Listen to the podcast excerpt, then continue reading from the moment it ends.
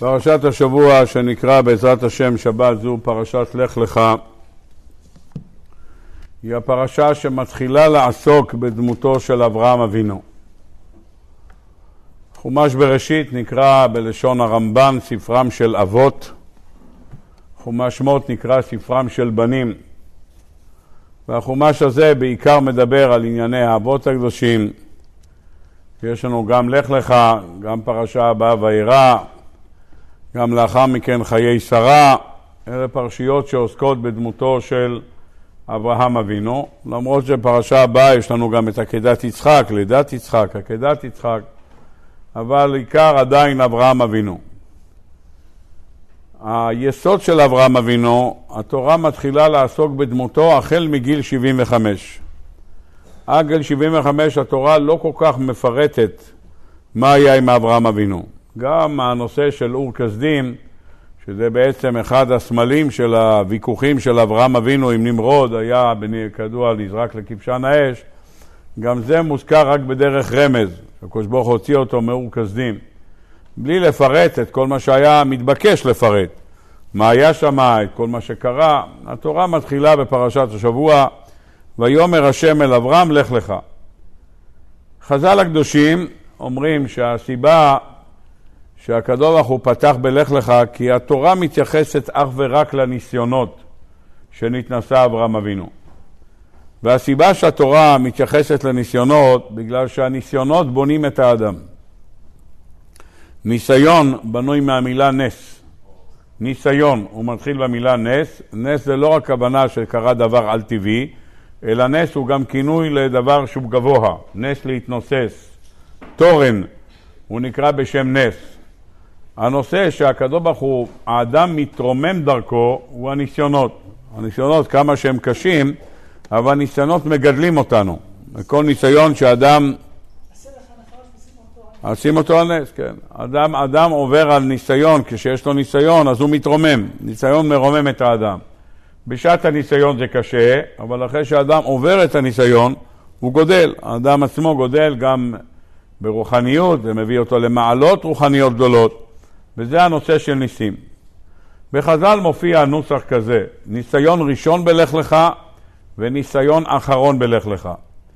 ניסיון ראשון בלך לך, הכוונה לך לך מארצך, וניסיון אחרון בלך לך זה לך לך אל ארץ המוריה. אלה שני ניסיונות שנקראים לך לך.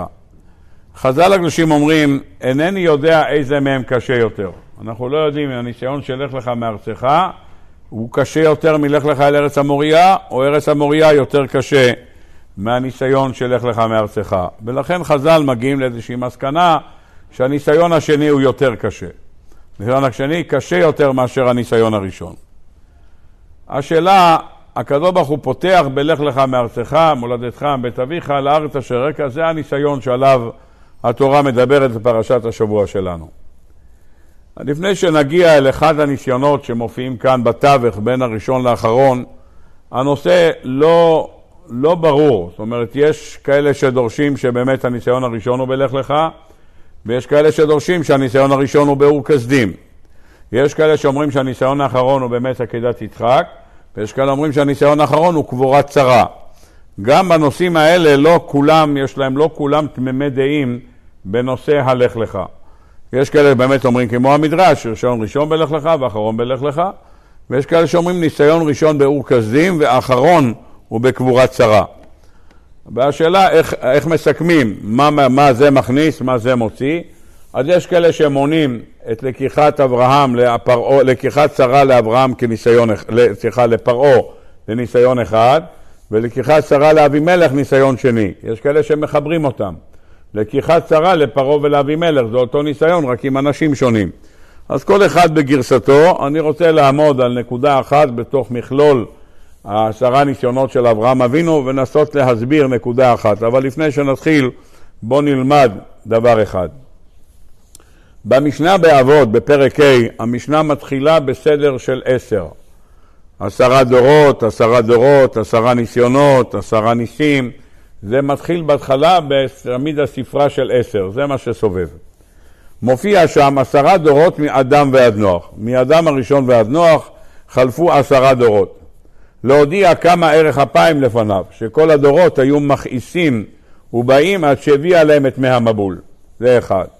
עשרה דורות מנוח ועד אברהם, עשרה דורות היה מנוח ועד אברהם. להודיע כמה ערך אפיים לפניו, שכל הדורות היו מכעיסים ובאים עד שבא אברהם אבינו וקיבל שכר כולם. אלה הדברים שמופיעים במשנה הזאת, ישנה עוד משנה אחת, עשרה ניסיונות נתנסה אברהם אבינו ועמד בכולם. אלה הדברים שקשורים לנושא שלנו. רבנו יונה, בביורו לפרקי אבות, פרקי אבות יש כמה מבארים יסודיים, כמובן רש"י והרמב"ם ורבנו יונה, ומופיע גם ביור של רבנו עובדיה מברטנורה. אלה המבארים המשמעותיים על פרקי אבות. ישנם עוד, יש אחינו בועז, יש תפארת ישראל, ישנם עוד, אבל אלה המרכזיים. על הדף נמצאים שם רש"י, רבנו יונה והרמב"ם. אלה המפרשים שנמצאים בגמרא בעבודה זרה על הדף. רבנו יונה שם על המשנה הזאת של עשרה דורות מנוח ועד אברהם, כותב רבנו יונה, אברהם השלים את מה שנוח לא עשה. ולכן כתוב במשנה, עשרה דורות מנוח ועד אברהם, להודיע כמה ערך אפיים לפניו, שכל הדורות היו מכניסים עד שבא אברהם אבינו ונטל שכר כולם, כי אברהם מילא את כל ההיעדר שהיה בדורו של נוח. את כל ההיעדר שהביא לחורבן, את זה נוח לא עשה ואברהם אבינו השלים אותו. לכן אברהם אבינו נטל שכר כולם. למה הכוונה שלו? כותב רבנו יונה, אברהם הציל אותם, אבל נוח לא יכל להצילם, כי לא היה צדיק כל כך למלות החיסרון של אנשי דורו. הוא לא היה לו את הכישרון לזה. למלות את החיסרון של אנשי דורו. מה כותב רבנו יונה? אברהם אבינו שם ליבו לזכות גם את אחרים. שונה מנוח שחי רק לעצמו ודאג רק לעצמו, ורק מי שבא לשאול אותו, הוא אמר לו, אברהם אבינו יצא ועשה פעולות כדי להעצים את שמו של הקדוש ברוך הוא בעולם. אין בזה שאברהם הקים בתי תמחוי, ומי שלא רצה לברך נאלץ לשלם תשלום מלא, ומי שהסכים לברך לא נדרש ממנו בכלל של תשלום, אמר לו אברהם תברך, לא דורש ממך שום דבר. אברהם פתח בארות בכל מקום, הוא פתח בארות כדי שאנשים יוכלו להשקות ולא יצטרכו לשלם, רק הוא ביקש שיברכו. הוא גם משתמש להפצת תורה, הפצת עלונים, בשעה שמשקים את הצאן, יש לך זמן הרבה לעסוק, יש לך זמן חופשי, אז לא היה אייפונים שאתה יכול לראות חדשות כל רגע, אז ממילא יכלו לראות את העלונים שהפיץ אברהם אבינו, יסודות של אמונה, וככה אברהם אבינו עשה את כל הפעולות האלה כדי להעצים את שמו של הקדוש ברוך הוא בעולם. לפלישתים זה היה לסנינים בעיניהם, הפצת השם בעולם וגם פתיחת הבארות, אז הם חיפשו כל הזמן לסתום את הבארות של אברהם אבינו, א', כדי לא להפיץ תורה, וב', כדי שהם יוכלו לגבות תשלום, כי אברהם אבינו לא גבה תשלום, ולכן היה לצנינים בעיניהם שיש להם מקור הכנסה, ואברהם פותח את זה ללא תשלום, אז הם נלחמו בו. כותב שם רבנו יונה, ואברהם אבינו מה עשה? אברהם עשה פעולות כדי להגדיל את שם השם בעולם. אברהם גייר גרים ושרה מגיירת נשים, ועל ידי כך המליך אברהם אבינו את הקדוש ברוך הוא על כל יושבי הארץ. וזה מה שאומר אברהם אבינו בעצמו לאליעזר בשעה שהוא שולח אותו להביא שידוך ליצחק אבינו, מה הוא אומר? ואשביעך, ואשביעך הוא אומר, בהשם אלוקי השמיים ואלוקי הארץ. מה זה ואשביעך בהשם אלוקי השמיים ואלוקי הארץ? אומר לו אברהם אבינו, עד שאני לא הפצתי את השם של הקדוש ברוך הוא בעולם, מה כתוב? הוא היה רק אלוקי השמיים, אף אחד לא ידע ממנו. מי שהפיץ אותו וגילה שיש קדוש ברוך הוא על הארץ זה אני. אז לכן אומר לו, והשביעך בהשם אלוקי השמיים ואלוקי הארץ, כותב רש"י במקום, כשלקח אותי מבית אבי, אז זה היה רק אלוקי השמיים. באתי לארץ ישראל, אף אחד לא ידע מה זה בכלל. אני הוא שגיליתי את שמו של הקדוש ברוך הוא בכל העולם. אז זה הכל נזקף לזכותי. כך כותב הרש"י שם בפרשת חיי שרה. בא הספר לחם שמיים ושואל שאלה נכונה מאוד. שואל הספר לחם שמיים, איפה שם ועבר? למה שם ועבר אתה לא מחשיב אותם? מילא נוח, יש כאלה שאומרים שאילו היה בדורו של אברהם לא היה שווה כלום. אבל שם ועבר כולם מודים שהם היו אנשים גדולים. ישיבת שם ועבר. אברהם למד שם, ויצחק למד שם, ויעקב למד שם. זאת ישיבה מפורסמת. השם ועבר היה בן של נוח, שם היה בן של נוח צדיק. הרי כל מה שאברהם אבינו פתח בתי תמחוי ועשה פעולות, זה בגלל שהוא פגש את שם ועבר, כך אומר המדרש, הוא פגש את שם, שהוא יצא מן התיבה, ושאל אותו באיזה זכות יצאת מן התיבה? אמר לו, מפני שלא ראינו שינה לעינינו, נתנו לאכול לבעלי חיים, זה מאכלו ביום וזה מאכלו בלילה וזה אוכל בשלוש שעות וזה אוכל בארבע שעות. אמר אברהם אבינו, אם אלה נתנו אוכל לבעלי חיים ניצלו, אני הולך לתת, לעשות אוכל לבני אדם. מיד והייתה אשל בבאר שבע. דהיינו, זה שדחף את אברהם ללכת לעשות את הפעולות היה שם בנוח, אז בעצם הוא הרבה של אברהם אבינו. אם אתה רוצה, הוא נקרא הרבה של אברהם אבינו. שואל הספר לחם שמיים, אז למה אתה לא מחשיב אותו כאחד האנשים שהוא בזכותו גם כן היה הפצת תורה? כך כותב על לחם שמיים. בא הספר ענף עשבות של מרן הרב עובדיה יוסף זצ"ל וכותב דבר נפלא. הוא אומר שם ועבר ישבו באוהל שלהם, הם לא עשו כלום. הם ישבו, מי שמבקש השם היה בא אליהם. הם לא יצאו החוצה להפיץ את דבר השם. אברהם אבינו יצא החוצה, זה הפעולה של אברהם אבינו. ואת זה אברהם אבינו מסר את נפשו כדי להפיץ את דבר השם בעולם. שם ועבר היו ספונים בישיבה שלהם. מי שרצה ללמוד, בא ללמוד. הוא לא עשה פעילות חיצונית ללכת לעשות את הפעולה הזאת. אצל אברהם אבינו כתוב ויקרא שם בשם השם כל עולם. בגמרא במסכת סוטה, אל תקרא ויקרא אלא ויקריא. מלמד, אומרת הגמרא במסכת סוטה, שהוא הלך והפיץ את שם השם בעולם בפי כל עובר ושב. ויקריא את שם השם, על זה זה שהוא לימד אותם לברך, אז אברהם אבינו הקדיש מזמנו, עצר את העלייה הרוחנית שלו כדי לספק לאחרים. אנחנו אומרים במזמור של שבת, צדיק כתמר יפרח, כארז בלבנון יפגה.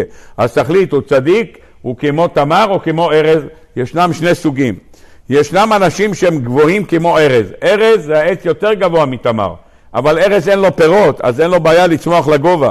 הוא לא נותן, הוא לא מעניק לאחרים, הוא לא מעניק לאחרים, אז הוא נעצר בשל עצמו. תמר הוא יותר נמוך מאשר ארז, אבל יש לו פירות, הוא נותן תמרים, נותן תמרים ומזין את האחרים. אומרים חז"ל, ישנה שני סוגי צדיקים. יש צדיק שהוא ארז, הוא עולה לפסגות, הוא מגיע לפסגות, הוא לא מוסר את עצמו לאחרים, יושב ספון בביתו, מהבוקר עד הלילה, יושב ולומד 20 שעות ביממה, 18 שעות ביממה, לומד ולומד ולומד ולומד ולומד ולומד ולומד ולומד, זה הכל.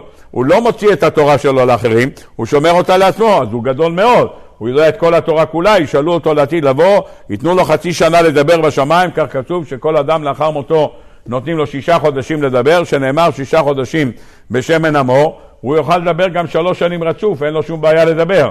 אבל עם כל זה הוא לא נתן לאחרים, הוא לא נתן משלו. לעומת זה צדיק שעצר את הגדילה של עצמו כדי לתת לאחרים, אז הוא בגובה של תמר, הוא לא גבוה כמו ארז, אבל הוא נותן מהתורה המתוקה, הוא נותן אותו לאחרים. זה המושג של צדיק התמר יפרח, ויש מושג של ארז. אברהם אבינו היה בחינה של תמר, הוא נתן לאחרים, הלך להפיץ את דבר השם בעולם, זה הבחינה שלו.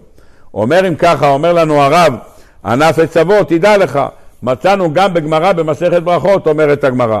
אדם שהשכים ובא לבית הכנסת והיה מעשרה הראשונים, גם אם הגיעו לאחר מכן מאה אנשים, הזכות הזאת של המניין הוא שלו, נותנים לו שכר כנגד כולם. היות והוא הרכיב את העשרה הראשונים, אז הוא נותן שכר כנגד כולם. אותו דבר בירושלמי בברכות, בסוף פרק ט', תניא רבי שמעון בר יוחאי אומר, אם ראית את הבריות שנתייאשו מן התורה, עמוד והתחזק בה, ואתה מקבל שכר כנגד כולם. וזה מה שנאמר עליו בפסוק, עת לעשות לשם, הפרו תורתך. אם הפרו תורתך, אתה רואה שלא עוסקים בתורה, זה העת לעשות לשם, תעזוב את שלך ותלך תחזק אחרים, זה הדברים שכתובים כאן בדברי רבותינו. בא הרב ענף עצבות ומעתיק מאמר מאוד מאוד יפה של המגיד מדובנה בפרשת נוח. אני אומר את זה מאמר ארוך, ננסה לתמצת את הדברים. במדרש רבה, פרשה ל"ט או ט', אומר המדרש, אמר דוד המלך בתהילים, עמך נדבות ביום חיליך. בהמשך של הפסוק, לך טל ילדותיך. אומר המדרש, אמר הקדוש ברוך הוא לאברהם, עמך הייתי, הייתי איתך כשהתנדבת לשמי, לרד לכבשן האש ולקדש את שמי ברבים. תודה רבה, אומר לו הקדוש ברוך הוא, שירדת וקידשת את השם שלי באור כסדים, והקדוש ברוך הוא רצה, רצה המלאך הממונה על האש לגש להגן על אברהם אבינו. הקדוש ברוך הוא אמר, הוא יחיד בעולמו ואני יחיד, כמו שהגמרא מביאה במסכת פסחים, ואני אגן עליו. אמר הקדוש ברוך הוא, תודה רבה. וכן אומרים חז"ל, תודה רבה לך ביום חיליך, בעת שכינסת לי כל אותם חיילות, חילות ואוכלוסים. לך טל ילדותיך, לפי שהיה אברהם אבינו מתיירא ואומר, תאמר שיש בידי עוון על שעבדתי עבודה זרה כל השנים האלו. אומר אברהם אבינו, אני פוחד שיש לי עוונות על מה שעבדתי עבודה זרה. צריך לדעת שמה שכותב כאן המדרש זה לא מה שאומרת הגמרא. הגמרא אומרת על הפסוק עקב, אשר שמע אברהם בקולי, אומרים חז"ל, אברהם שמע בקולו של הקדוש ברוך הוא עקב שנים. עקב שנים זה קע"ב, זה 172 שנים. אברהם אבינו חי 175 שנים. מכאן שבן שלוש הכיר אברהם את בוראו. אלה הדברים שכתובים כאן, בן שלוש הכיר...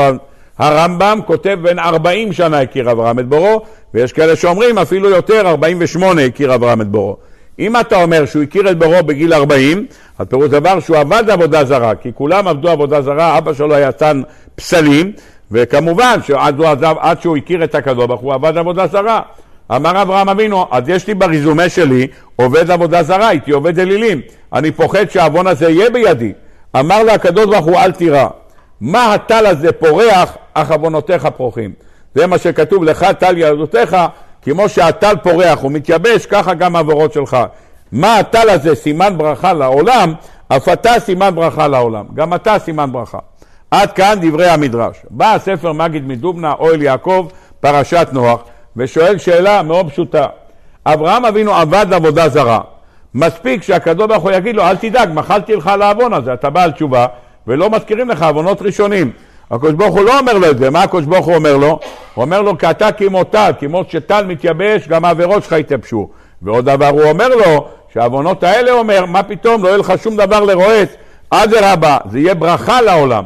שואל הרב, הרב יעקב בספרו אוהל יעקב, הרב המגיד מדובנה, איך יכול להיות ברכה ממישהו שעבד עבודה זרה?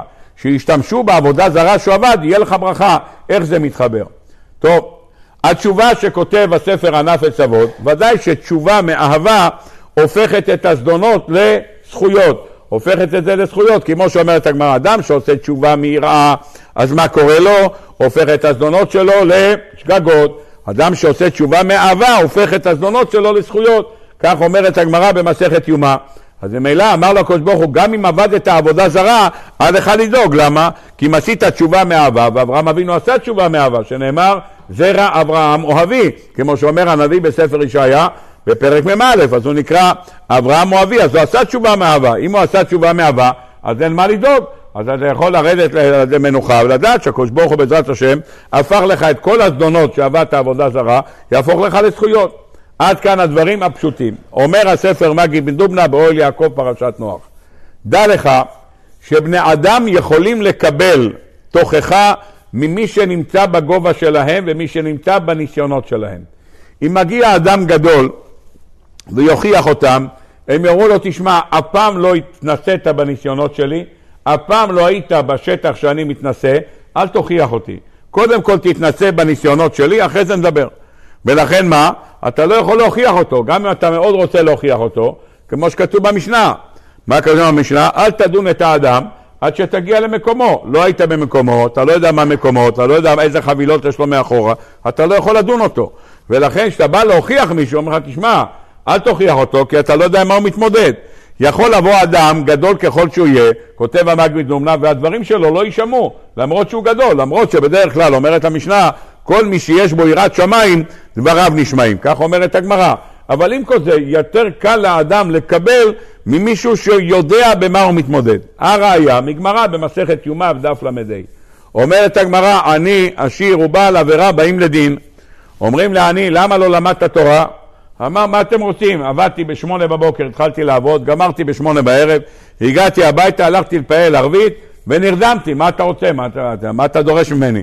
עובד כל היום 12 שעות ביממה, עובר על שכר מינימום, לא יודע כמה זה המינימום, 35 שקל, יש לי 400 שקל ליום, כמה אני מרוויח? חמישה ימים, יש לי 2,000-8,000 שקל, יש בבית שמונה ילדים, צריך לפרנס אותם, אז מה אתה רוצה ממני? עוד שאני אלך ללמוד? אין לי כוח אפילו בקושי אני זז, בא הביתה, אוכל פת, אוכל משהו והולך לישון מיד. צריך לקום בשעה שש בבוקר, יש תפילה, והולך לבית הכנסת, ומשם יוצא לעבודה, מה אתה דורש ממני? אומרים לו, כלום היית עני יותר גדול מהלל? הלל הרשע, הלל, הלל אומרת הגמרא, היה מרוויח טרפעיק אחד ביום, והיה מחציתו נותן לפרנסת אנשי ביתו, ומחציתו היה משלם כניסה לבית המדרש כדי לשמוע שיעור תורה. רבותיי, אם היום בדור שלנו היו צריכים לשלם כסף כדי לשמוע שיעור תורה, נראה לי שהיה סגור הבית הכנסת. אבל בכל אופן, בתקופתו של הלל, היו משלמים כסף בכניסה, א', על ניקיון ומיזוג אוויר, והמגיד שיעור, והשומר בכניסה, והספונג'ה, את כל זה צריך לשלם, מישהו צריך לשלם את זה. אז מה? אז כל אחד שילם חצי טרפעיק. זה המחיר שהיה התשלום שיבוא לשמוע את השיעור. חצי נתן לביתו, אני לא יודע להגיד לכם כמה הוא הרוויח ביום, נגיד עלה 100 שקל, מה אתה יכול לקנות ב-100 שקל? שלוש לחמים, ועוד מה? ועוד אה, קופסה ריבה. וזה מה שאתה יכול לתת לילדים לאכול לחם.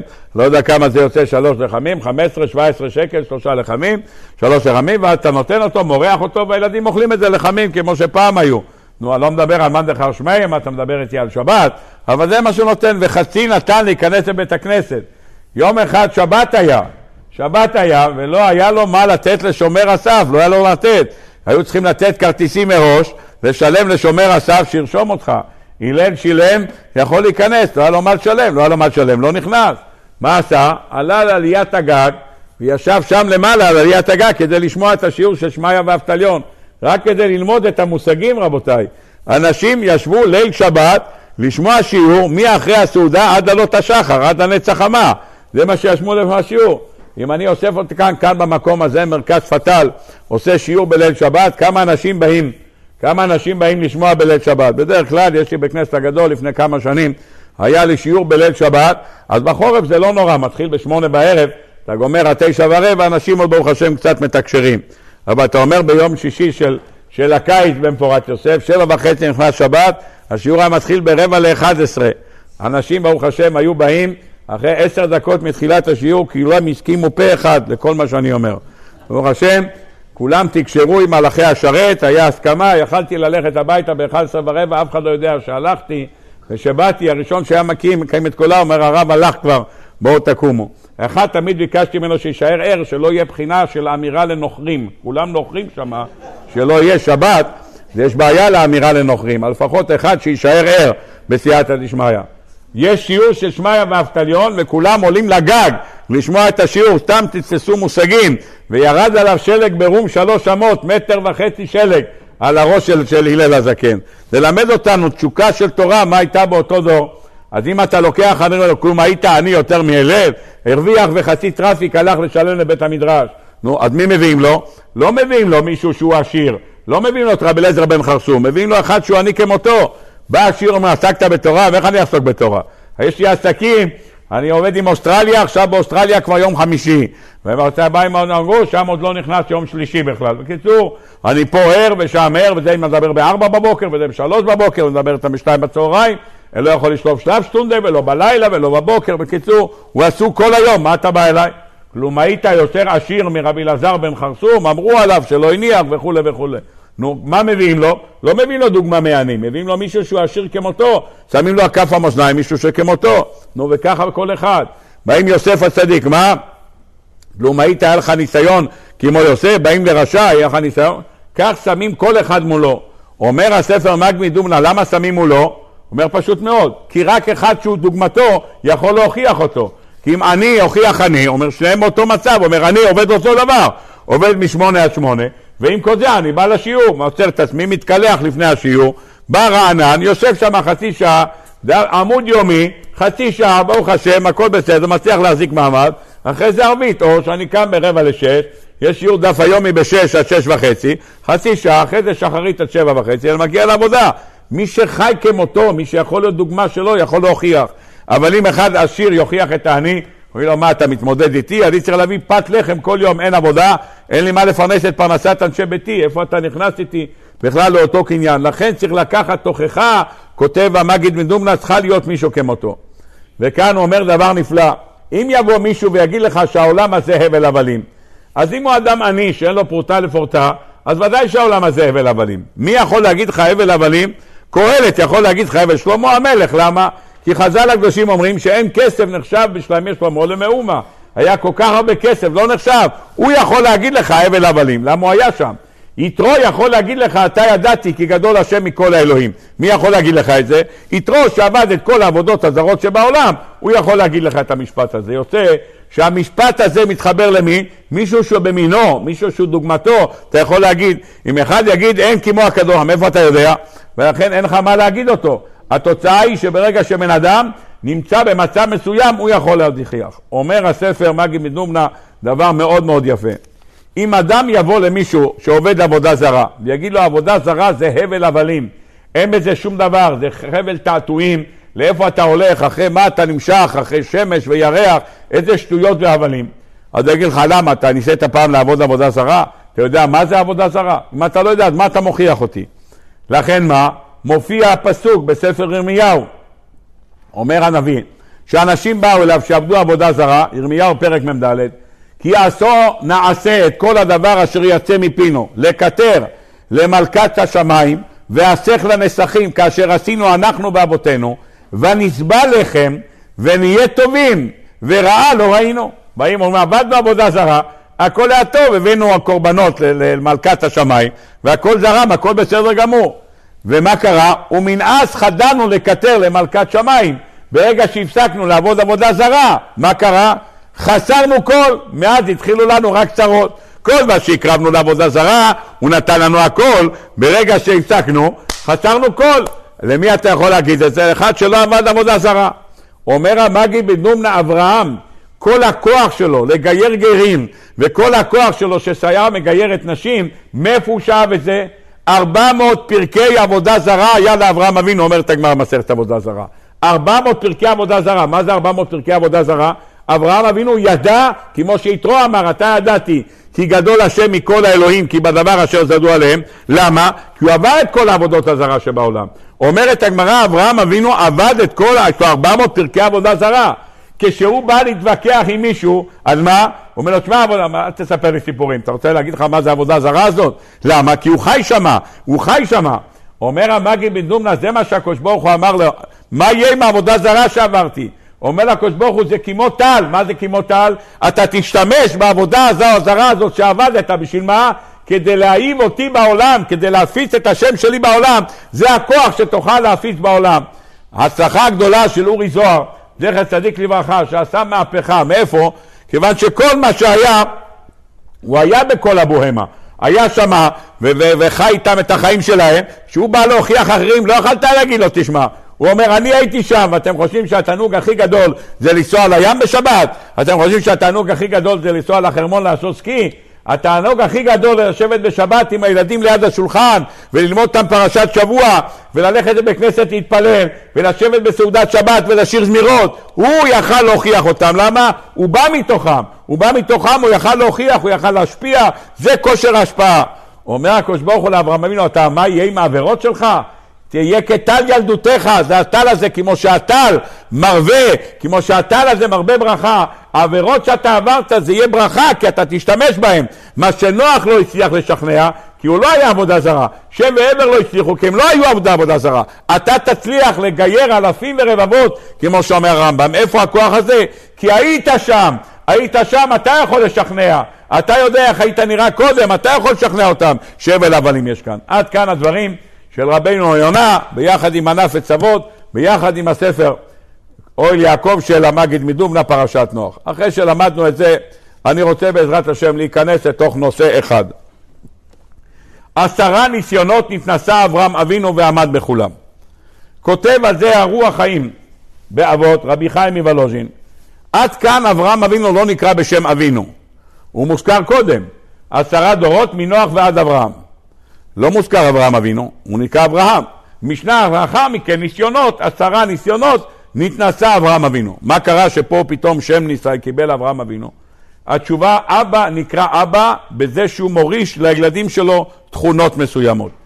כל הניסיונות שעבר אברהם אבינו ועברו לאחריו יצחק ויעקב, הנחילו לעם ישראל את היכולות להתמודד עם כל הניסיונות שאמר אברהם אבינו. החל מלך לך.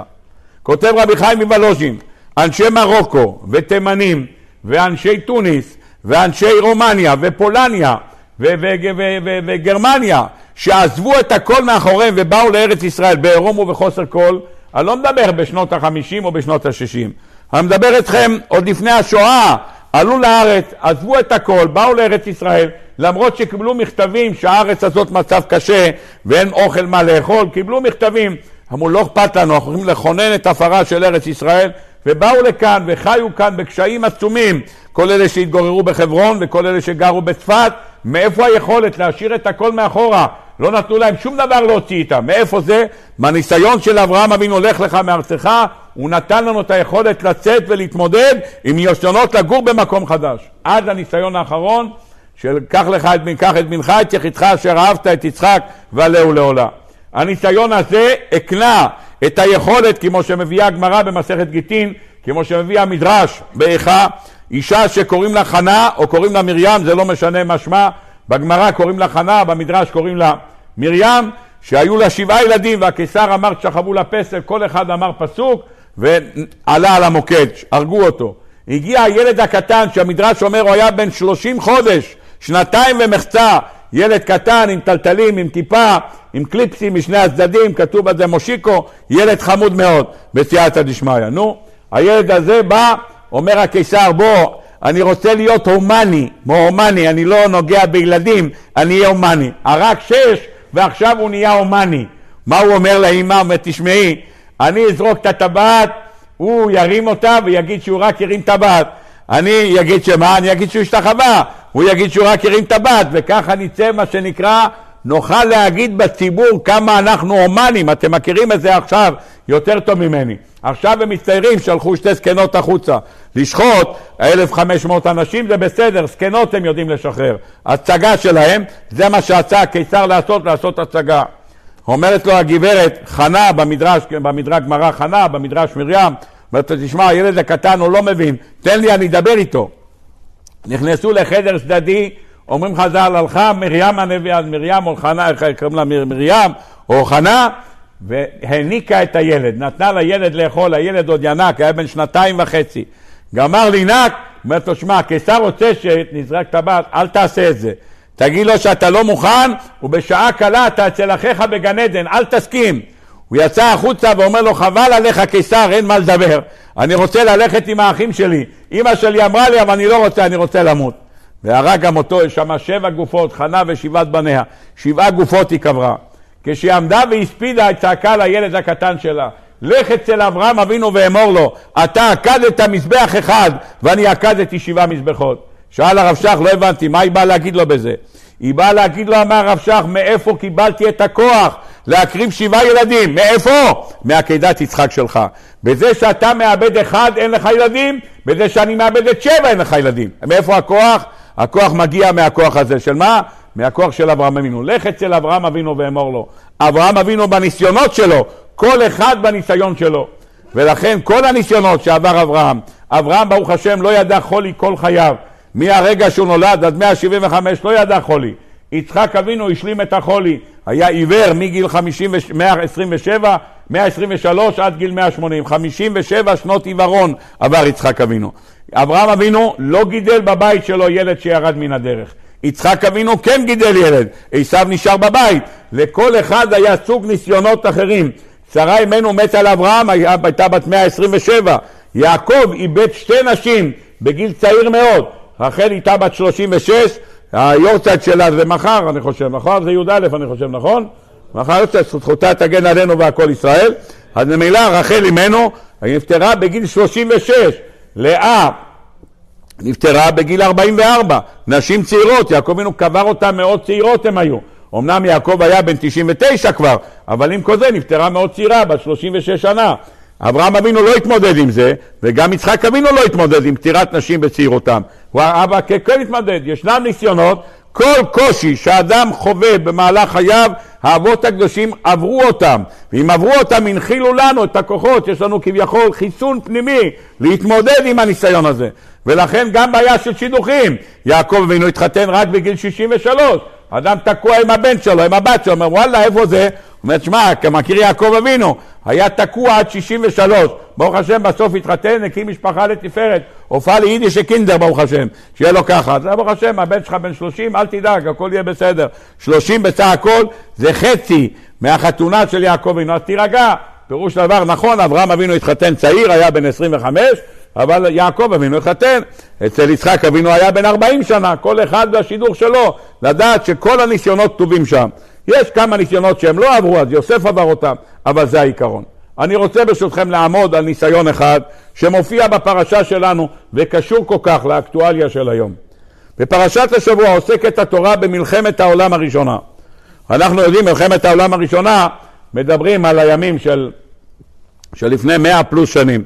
אני מדבר איתכם על מלחמת העולם הראשונה שהייתה בשנת 2000 לבריאת העולם, 2050 שנה לבריאת העולם, שהתורה מביאה בפרשת השבוע שלנו ומקדישה לכך 24 פסוקים למלחמה שהתנהלה בין ארבעה מלכים מול החמישה, מה שנקרא בלשון חז"ל גוג ומגוג בקטן.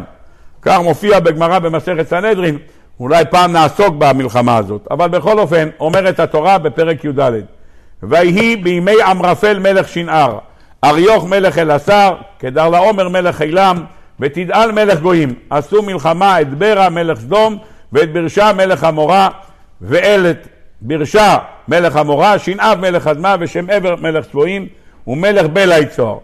רק על השמות שלהם ומה הם מסמלים, אפשר לתת שיעור שלם מה הסמל בשמות שלהם. אומרת התורה, הם עבדו איתם 12 שנה, עבדו את קדר לעומר ו-13 שנה מרדו.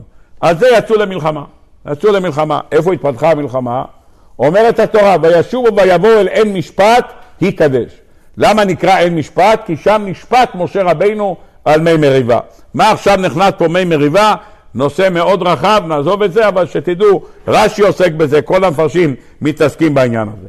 אני רוצה ברשותכם לעמוד על מלחמת העולם הראשונה, שהתורה מקדישה לזה 24 פסוקים, מלחמה היסטורית.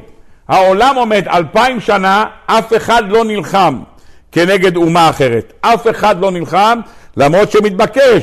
מאבקי מים, מאבקי שטחים, הוא רוצה לגור, רוצה זה, רוצה... מאבקים, סתם שיהיה בלאגן בעולם. יצרני נשק מעודדים מלחמות כדי שיוכלו לספק סחורה שפג תוקף, יש להם כל מיני אינטרסים שיש בעולם. אלפיים שנה שקט מוחלט היה בעולם, שקט, לא ידעו מה זה מלחמה. לא רק זה, נמרוד שהוא אמרפל, אומרים חז"ל, הוא נמרוד הוא אמרפל שאמר לאברהם אבינו פה לכבשן האש, הוא אותו אחד, הוא ארגן אחדות בעולם, הוא ארגן, והיו כל הארץ שפה אחת, דברים אחדים, הוא רצה לייצר אה, מקום שכולם נמצאים ביחד ויהיה מגדל אחד וכולם ידברו שפה אחת ויהיה ביחד, ביחד, הוא היה נגד פילוג. הוא הרוצח מספר אחד בעולם שיצא למלחמה על מרד מיסים, יצא למלחמה והרג מיליוני אנשים נהרגו במלחמה הזאת. אני רוצה סתם לעדכן אתכם, קצת עדכונים. כמה אנשים היו בעולם? אין ספירת מלאי. אבל שקראנו בתורה, ויולד בנים ובנות, ויולד זה בנים ובנות, ויולד בנים ובנות, אתה שואל אנשים, כמה זה בנים ובנות? כמה? אז אומר לך, בטח שבע בנים, שלוש בנות. ילד את פרשת, ואחרי זה בנים ובנות, מתי הוא התחיל ללדת? בגיל מאה, מאה ועשר, מאה עשרים, מאה שמונים ושתיים, יפה מאוד, ברוך השם, הכל בסדר. כמה היה לו? צריך לדעת שבאותם זמנים הייתה שפע בעולם דוגמת מה שהיה תוכנית העתידית של הקדוש ברוך הוא. זרעו אחת לארבעים שנה. אחת לארבעים שנה זרעו, היה אוכל לארבעים שנה בשפע.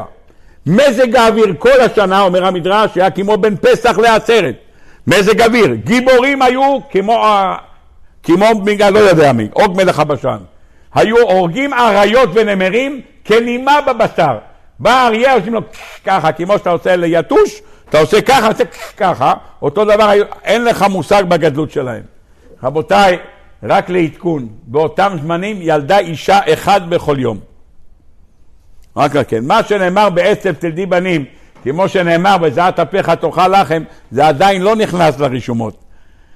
אישה ילדה בכל יום, 365 ימים בשנה, ברוך השם, 365 ילדים ביום, בסייעתא דשמיא. תעשו חשבון, לא צריכים להרניק אותם, לא צריכים לגדל אותם. למה? כי באותו יום שהם נולדו הם הלכו לבית ספר, אם היה מותר, אני לא יודע מה. אם היה מותר, הלכו לבית ספר. למה? כי יצאו מרחם אמם, האמא הייתה אומרת לו, ינקלה, תיגש בבקשה למגירה, תביא לי בבקשה המספריים, והייתה חותכת את חבל הטבור, שמה לו ילקוט, שמה לו סנדוויץ' עם גזר, על המקום היה לו שיניים, וברוך השם הלך לבית ספר. למחרת בא אח שלו גם כן, העביר אותו את הכביש, כבר שניים ביחד הלכו. בסוף השבוע הם היו שבע אחים בסייעתא דשמיא, אם לא נפל לו תאומים ושלישיות על הדרך. בן פורת יוסף. ויולד בנים ובנות ללא מספר וללא גבול.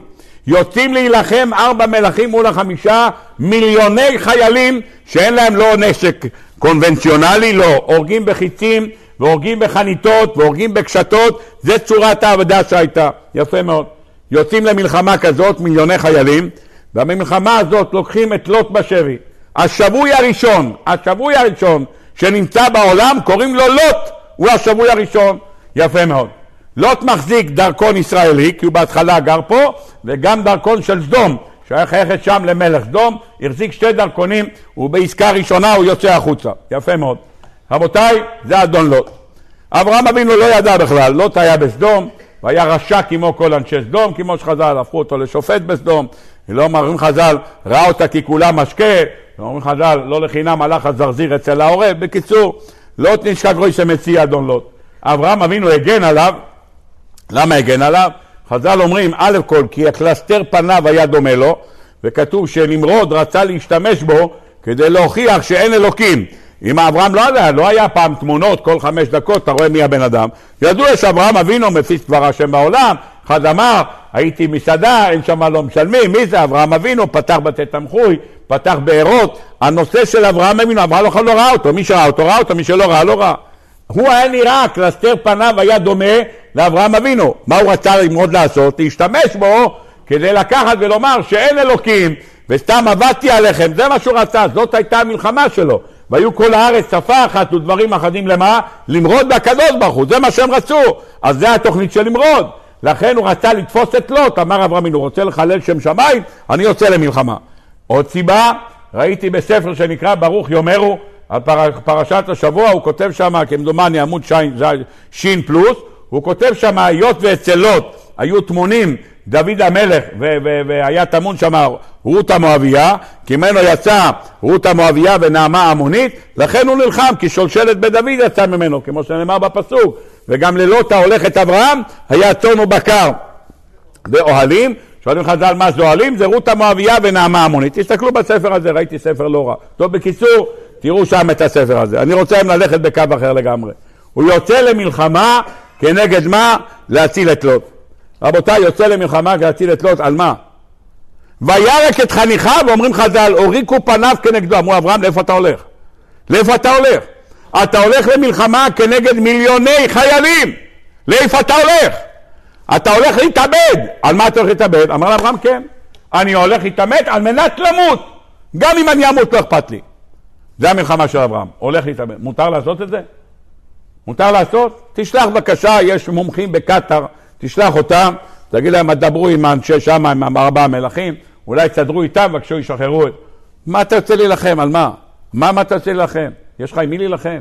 יש לך חרב, יש לך חנית, יש לך קשת, עם מה אתה רוצה להילחם? אומרת התורה, וירא את חניכיו, ואמר להם, אני יוצא למלחמה, גם אם אני אמות, אני יוצא למלחמה. כמה יצאו? שמונה עשר ושלוש מאות איש. זה המלחמה, 318. באה הגמרא ואומרת, לא 318, היה אחד, אחד היה. איך קוראים לו? אליעזר. אליעזר, גימטריה, 318. ראית פעם להילחם עם גימטריה? נלחמים עם גימטריה. גימטריה מחזיקה את הרובה? מה, עם מי אתה יוצא? מה, מה, עם הגימטריה? שואל שמאי בן עזרא, שואל הכלי יקר, מה זה גימטריה? גימטריה? בוא תקרא פסוקים, שכתוב מפורש שהיה שם חיילים. איפה היה כתוב? שהוא ביקש את השכר, מה הוא אמר למלך סדום? בלעדיי, רק כאשר אכלו הנערים וחלק האנשים אשר הלכו איתי. מה כתוב כאן? נערים וחלק האנשים אשר הלכו איתי. אז גם היה נערים וגם אנשים. והחליט מזה, הנר אשכול וממרא. אז היו שם עוד אנשים. אז מה אתה אומר הלך עם אליעזר? כאן כתוב מפורש. גם קודם לכן, מה כתוב? אומרת התורה, וישמע אברהם כי נשבע אחיו ויחלק עליהם לילה הוא ועבדיו ויקם אז מי היה כאן? הוא ועבדיו, אז מה אתה אומר שהלך רק אחד? שאלה ששואלים כל המפרשים, תסתכלו בשפתי חכמים, אצל הנר אשכול וממרא, הם היו על הכלים, כותב רש"י, הם שמרו על הנשק, ושאר יצאו להילחם, מי זה היה? בקיצור, לא ניכנס כרגע, 318. בא הכלי יקר, בא רבנו בחיי, בא דס כלים בעלי התוצאות, אומר לו, בתורה כתוב 318. מה באים חז"ל אומרים, יצאו להילחם בגימטריה? מה זה? מה זה הדבר הזה? אומר הספר רבינו בחיי, ואותו דבר זה הזקנים בעלי התוספות. יוצאים למלחמה. מה כתוב בתורה כשיוצאים למלחמה? אוספים את כולם, ומה אומר להם אותו משוח מלחמה? מי האיש אשר בנה בית ולא חנכה הוא ילך וישוב לביתו, מי יש אשר נטע כרם ולא חיללו ילך וישוב לביתו, מי שהרס אישה ולא לקחה ילך וישוב לביתו. מי האיש? אומר מי האיש? הירא ורך הלבב ילך וישוב לביתו. מה זה הירא ורך הלבב? אחד זה ירא מערכי המלחמה, שתיים, הירא מעבירות שבידו. עומד אברהם ואומר חיילים יקרים 318 יוצאים לקרב למי שיש עבירות תלכו הביתה אל תבואו איתי למה אל תבואו איתי? אתם לא תחזרו שמעו את זה 318 אנשים כולם הלכו הביתה למה? הם חששו מהעבירות שבידם הלכו הביתה מי נשאר? אליעזר החייל נשאר אליעזר. אז היה 318, אומר רבנו בחיי. היה 318. אברהם אבינו אמר, מי שיש עבירות ילך הביתה. כולם הלכו הביתה. מי נשאר? אליעזר, שאין לו עבירות. אז באמת התחיל ב-318. רק היות ואברהם אבינו אמר שיש עבירות ילך הביתה, אז נשאר אליעזר. מה זה אליעזר? גימטריה. בראבו. התחיל עם 318, נגמר עם חייל אחד. מי יוצא?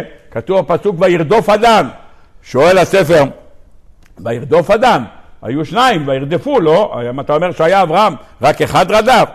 אומר, אומר המפאר היפה תואר על המדרש, אומר אברהם אבינו היה רמטכ"ל, הוא לא נלחם. רמטכ"ל, הוא נותן הוראות לחייל. אז מי היה? אברהם היה רמטכ"ל, מבחינת מלך, הוא אמר לאליעזר, או, oh, עכשיו אנא תן מערב, תן ירייה, תתחיל לראות. מה לראות? זיף זיף. מה להם? חול. זה מה שהם זרקו חול. זה זרק חול וזרף נסורת, ברוך השם תקראו בגמרא, מסכת סנהדרין, מסכת מכות, מסכת תענית, נשאיר את זה לפעם אחרת. רבותיי, אלה הדברים. יוצא למלחמה הזאת, מה יש כאן, מה הסוד הטמון כאן? מה הסוד הטמון מאחורה? רבותיי, אני רוצה לומר יסוד אחד, ובעזרת השם מכאן אנחנו חייבים ללמוד את המסר הזה שמונח כאן. כדי להבין את המסר הזה צריכים לקרוא סיפור בגמרא שקרה בזמן רב נחמן. באה אישה אחת בחג הסוכות לרב נחמן ואמרה לרב נחמן, ריש גלותה, התלמידים שלו לקחו לי מהחצר קרשים לסוכה והם יושבים בסוכה גזולה. ככה אומרת הזקנה, הייתה סבתא הזקנה, כך כתוב, והסבתא הזקנה הזאת אומרת, גנבו ממני את הקרשים, והיות וגנבו ממני את הקרשים, היא אומרת, תשמע, הם יושבים בסוכה גזולה. אמר לרב נחמן, הגברת הזאת, אמר לתלמידים, הגברת הזאת צעקנית, צעקנית, סתם צועקת. אומרת לו הגברת, כבוד הרב, אתה יודע מי אני? מי את? אני נכדה של אברהם אבינו, שיצא להילחם עם 318 חיילים. וואו. ורב נחמן מי הוא? נכד של מי? הוא לא מאברהם אבינו, מה את באה להגיד? אני, אני, אני נכדה של אברהם אבינו, בראבו. ורב נחמן מי? נכד של מי? מה, מה את באה להגיד בזה? נכד. אמר רב נחמן, תעזבו אותה, סתם צועקת בלי שום תועלת, תעזבו אותה. אין לה אלא דמי עצים בלבד. מה צריך להחזיר לה? זה כמה שעולים העצים. זה נקרא תקנת מריש. מי שמכיר קצת את הסוגיה, מה זה תקנת מריש? אדם שגנב בלוק, גנב אה, בלוק, עליו בלוקים, שם אותו בקיר. בא בעל הבלוק ויש לו תמונות, יש לו מצלמה בחצר, ורואים אותך שאתה גונב בלוק. אומר, אדוני, בבקשה, גנבת בלוק. אומר, אני רוצה את הבלוק בחזרה. אומר, אני מאוד שמח שאתה רוצה את הבלוק בחזרה, אבל כבר שמתי אותו, היה חסר לי אתמול בלוק, שמתי, וגם יצקתי עליו כבר קורה, ברוך השם, ושמתי עליו כבר שליכטה. אומר, כמה עולה בלוק? אני לא יודע כמה, עשר שקל? בבקשה, קח עשר שקל, נטר, הכל בסדר. ולא, אני רוצה את הבלוק הזה. אומר, את הבלוק הזה לא תקבל, בבקשה, קח עשר שקל, ואם מונית בהובלה מיצחק וצורי, אם אתה רוצה, תלך תקנה אצלהם בלוק פלוס זיו, ויביאו לך קח מונית 40 שקל, לך קח 50 שקל, כולל את הבלוק, ותיקח עוד בלוק שיהיה לך רזרבה, אם מישהו ירצה לגנוב, שיהיה לו ספייר אחד, ברוך השם. הכל בסדר גמור. אתה לא מפרק את הקיר, זה תקנת מריש, כי אם תגיד לבן אדם, פרק את הקיר, עזוב אותי, רד לי מהראש. אותו דבר אם גנבת חוטים, יש לך חוטים, נכון? ועשית סוודר, ומה אחד ראיתי במצלמות, גנבת, קוראים לזה... כזה פקעת של צמר כזה, מה שהסבתא הייתה עושה לנו סוודר, אם אתם זוכרים, לי לא היה סבתא, אבל מה שעשו פעם, בכל אופן. אז היה, לקחת החלוץ משם, בבקשה תביא לי את החוט. אומר, מה אתה חושב שאני אפרום את הסוודר? אומר, קח חמש שקל, תקנה לך הכל לחוט ולחייט, תלך לקנות לך שמה ותקנה לך מה שאתה רוצה, הכל בסדר גמור. זה נקרא תקנת מריש. באה הגברת הזאת, אומרת, תביאו את העצים, מה היא רוצה? שיפרקו את הסוכה באמצע סוכות. אומר לרב נחמן, גברת, הגברת הזאת, תעזבו אותה. תנו לה בבקשה עשר שקל, כמה שעולים הקרשים, אני לא יודע כמה עולה קרשים, מאה שקל, תלך הביתה, סתם צועקת. כך, טוב. אלה, זאת הגמרא. הגמרא הזאת, נשתברו עליה קולמוסים. מה רצה הסבתא הזקנה? לומר שאברהם אבינו היה לו 318 עבדים. יש על זה חידו, יש על זה ערוך לנר, יש חתם סופר, יש על זה ראיתי כמה חידושי רב נחמיה, יש המון סיפורים על זה, אבל אני רוצה לקחת אחד, בעזרת השם עבורנו. השאר זה דברים יפים מאוד, אבל לא נוגעים אלינו. אני רוצה לקחת אחד. הדברים שאני מקריא לכם הופיע ברבי צדוק הכהן מלובלין בספרו דברי סופרים, אות ט"ז. אין ליהודי להתייאש משום דבר. אני אומר לכם כי יש אווירה כזאת ברחוב. לא עושים כלום, עושים אימונים, למה לא נכנסים?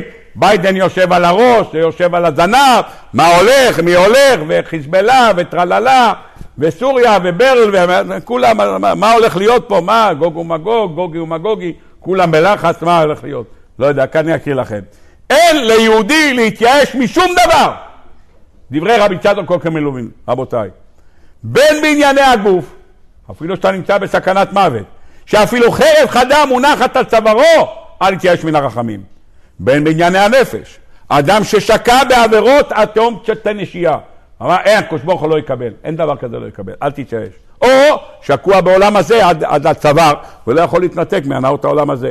אין ייאוש כלל, לא רק רבי נחמן מברסלב, אין ייאוש כלל אצל איש יהודי.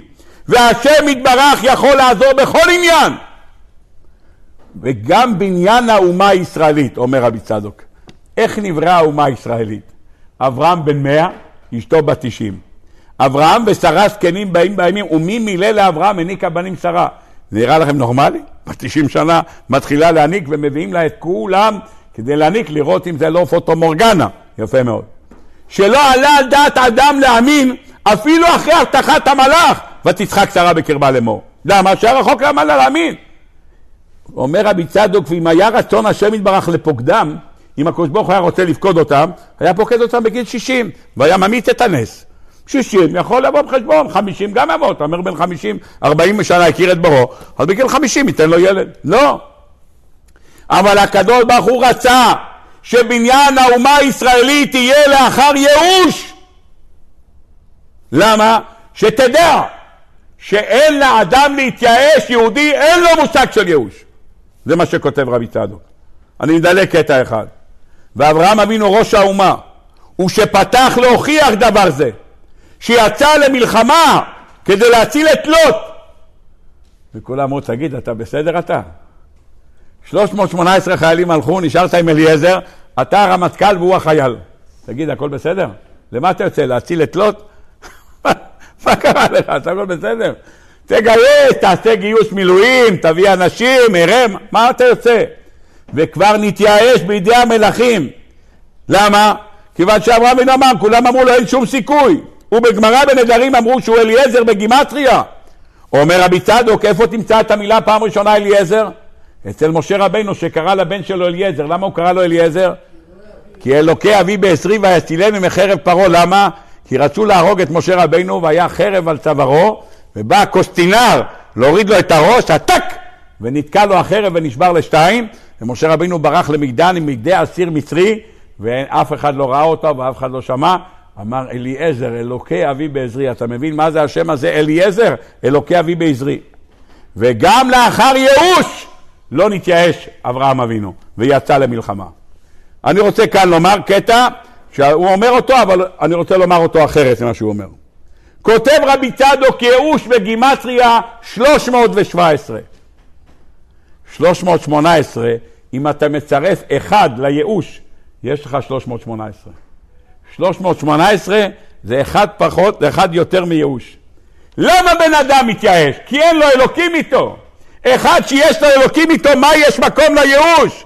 ייאוש זה 319, אברהם לקח 318. למה? להגיד לכולם, אין לנו ייאוש. וכשברחו ה-317, מה נשאר? נשאר אליעזר, חייל אחד נשאר, גימטריה. ואתה נראה להסביר את הסיפור של סבתא. כאן הוא בא לסיפור של סבתא שלנו. סבתא באה לרבי נחמן ואמר, תשמע, גנבו לי קורות. מה אומר? והיית בגמרא במסכת בבא קמא, שרבי שמעון סובר שגזלה ייאוש בעלים, אחד שגזלו ממנו, הוא כבר מתייאש מזה. היא אמרה שבטח, מה? היות והשמשים והעוזרים של, של ריש גלותא גנבו את זה, אז חשבו שמה? שהתייאשתי כי הם גזלנים. אני רוצה לעדכן אותך רבי נחמן, אני יהודייה, האם אני יהודייה? אני לא מתייאשת, למה? כמו שאברהם אבינו יצא למלחמה עם 318 חיילים, כי אין ייאוש בעולם כלל, אז אני לא מתייאשת. אני יוצא את המלחמה הזאת, בבקשה תחזירו את הקרשים. אני שייכת לאומה שלא שייכת לייאוש. אלה הדברים שאומר רבי צדוק הכהן נוגע אלינו. רבותיי, יוצאים למלחמה, צריך לדעת שהקדוש ברוך הוא ישמור עלינו בעזרת השם. ויגן על החיילים שלנו בעזרת השם, שלא תיפול שערה משערות ראשם.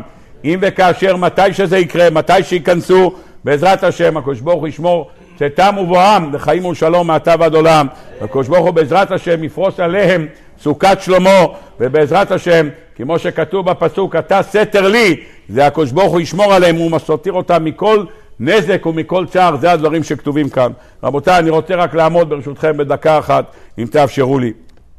כמה פעמים ביום אתם מבקשים מהקדוש ברוך הוא שיתיר אסורים? כמה פעמים ביום?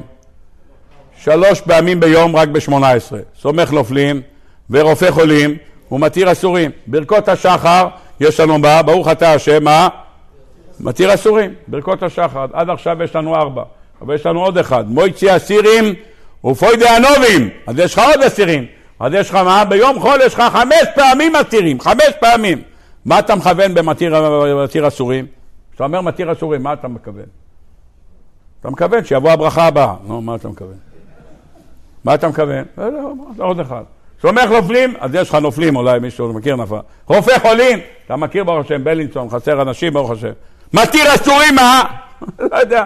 הוא מקיים אמונתו לשני עפר, הכל בסדר. רבותיי, בשבת שיש לנו עוד אחד, יש גם מוסף, נכון? בנשמת כל חי יש לך גם כן מתיר אסורים. שבע פעמים מתיר אסורים. מה אתם מכוונים במתיר אסורים? אם אין לך לכוון, עכשיו זה השעה. 220 אסירים מוחזקים שם בשבי של החמאס האלה. צמאי דם רשעים ארורים. רשעים ארורים. משתמשים בזקנים האלה כדי לשגע את התודעה של ארץ ישראל, של יושבי הארץ הזאת. רשעים ארורים. פוק חזי, מה הם עשו לנו רק לפני 17 יום? תדע את ההומניות שלהם, כמה הם הומניות, הם מחזירים אותם בגלל הומונציה. שום דבר, רשעים ארורים שמשחקים עם הרחמים של עם ישראל. הקדוש ברוך הוא יעזור בעזרת השם, כולנו נכוון במתיר אסורים, מחר בבוקר, בעזרת השם, בברכות השחר, שלוש פעמים בשמונה עשרה, יש לנו מותיר אסירים ופודי ענבים ועוזר דנים ועונה לעמו ישראל בית שווה מיליו, נבקש מהקדוש ברוך הוא שישחרר אותם. הגמרא אומרת, אין לך דבר יותר קשה מהשביה, הגמרא במסכת בבא בתרא. הקדוש ברוך הוא יעזור בעזרת השם, שישחרר אותם לשלום, ישובו בעזרת השם בריאים ושלמים, ובעזרת השם יחזרו בריאים בגוף ובנפש, ונזכה כולנו בעזרת השם, בזכותה של רחל אמנו, שהיום יום הדילולה שלי, מבקש מרחל אמנו, רחל מבכה על בניה, רבי חיים שמואלביץ הגיע לשם, אחרי מלחמת ששת הימים שאפשר להיכנס, אמר לרחל אמנו, קדוש ברוך הוא אמר לך, מיני קולך מבכי, ואני חיים שמואלביץ מבקש, אל תפסיקי לבכות, אף אחד לא יכול להגיע לקבר רחל. נבקש ממנה כאן, מגבעת שמואל, בעזרת השם, שלא תפסיק רגע אחד לבכות, ושהקדוש ברוך הוא בעזרת השם ישמע לכל תפילותינו, ובעזרת השם יוציאנו מצרה לרווחה ומאפלה לאורה, ובעזרת השם נזכה לגאולה השלמה במהרה בימינו אמן. רבי חנניה בן הקשיא אומר, רצה הקדוש ברוך הוא זכות ישראל. לפיכך הרבה להם תורה ומצוות שנאמר, אדוני חופץ למען צדקו, ידיר תורה ויאדיר.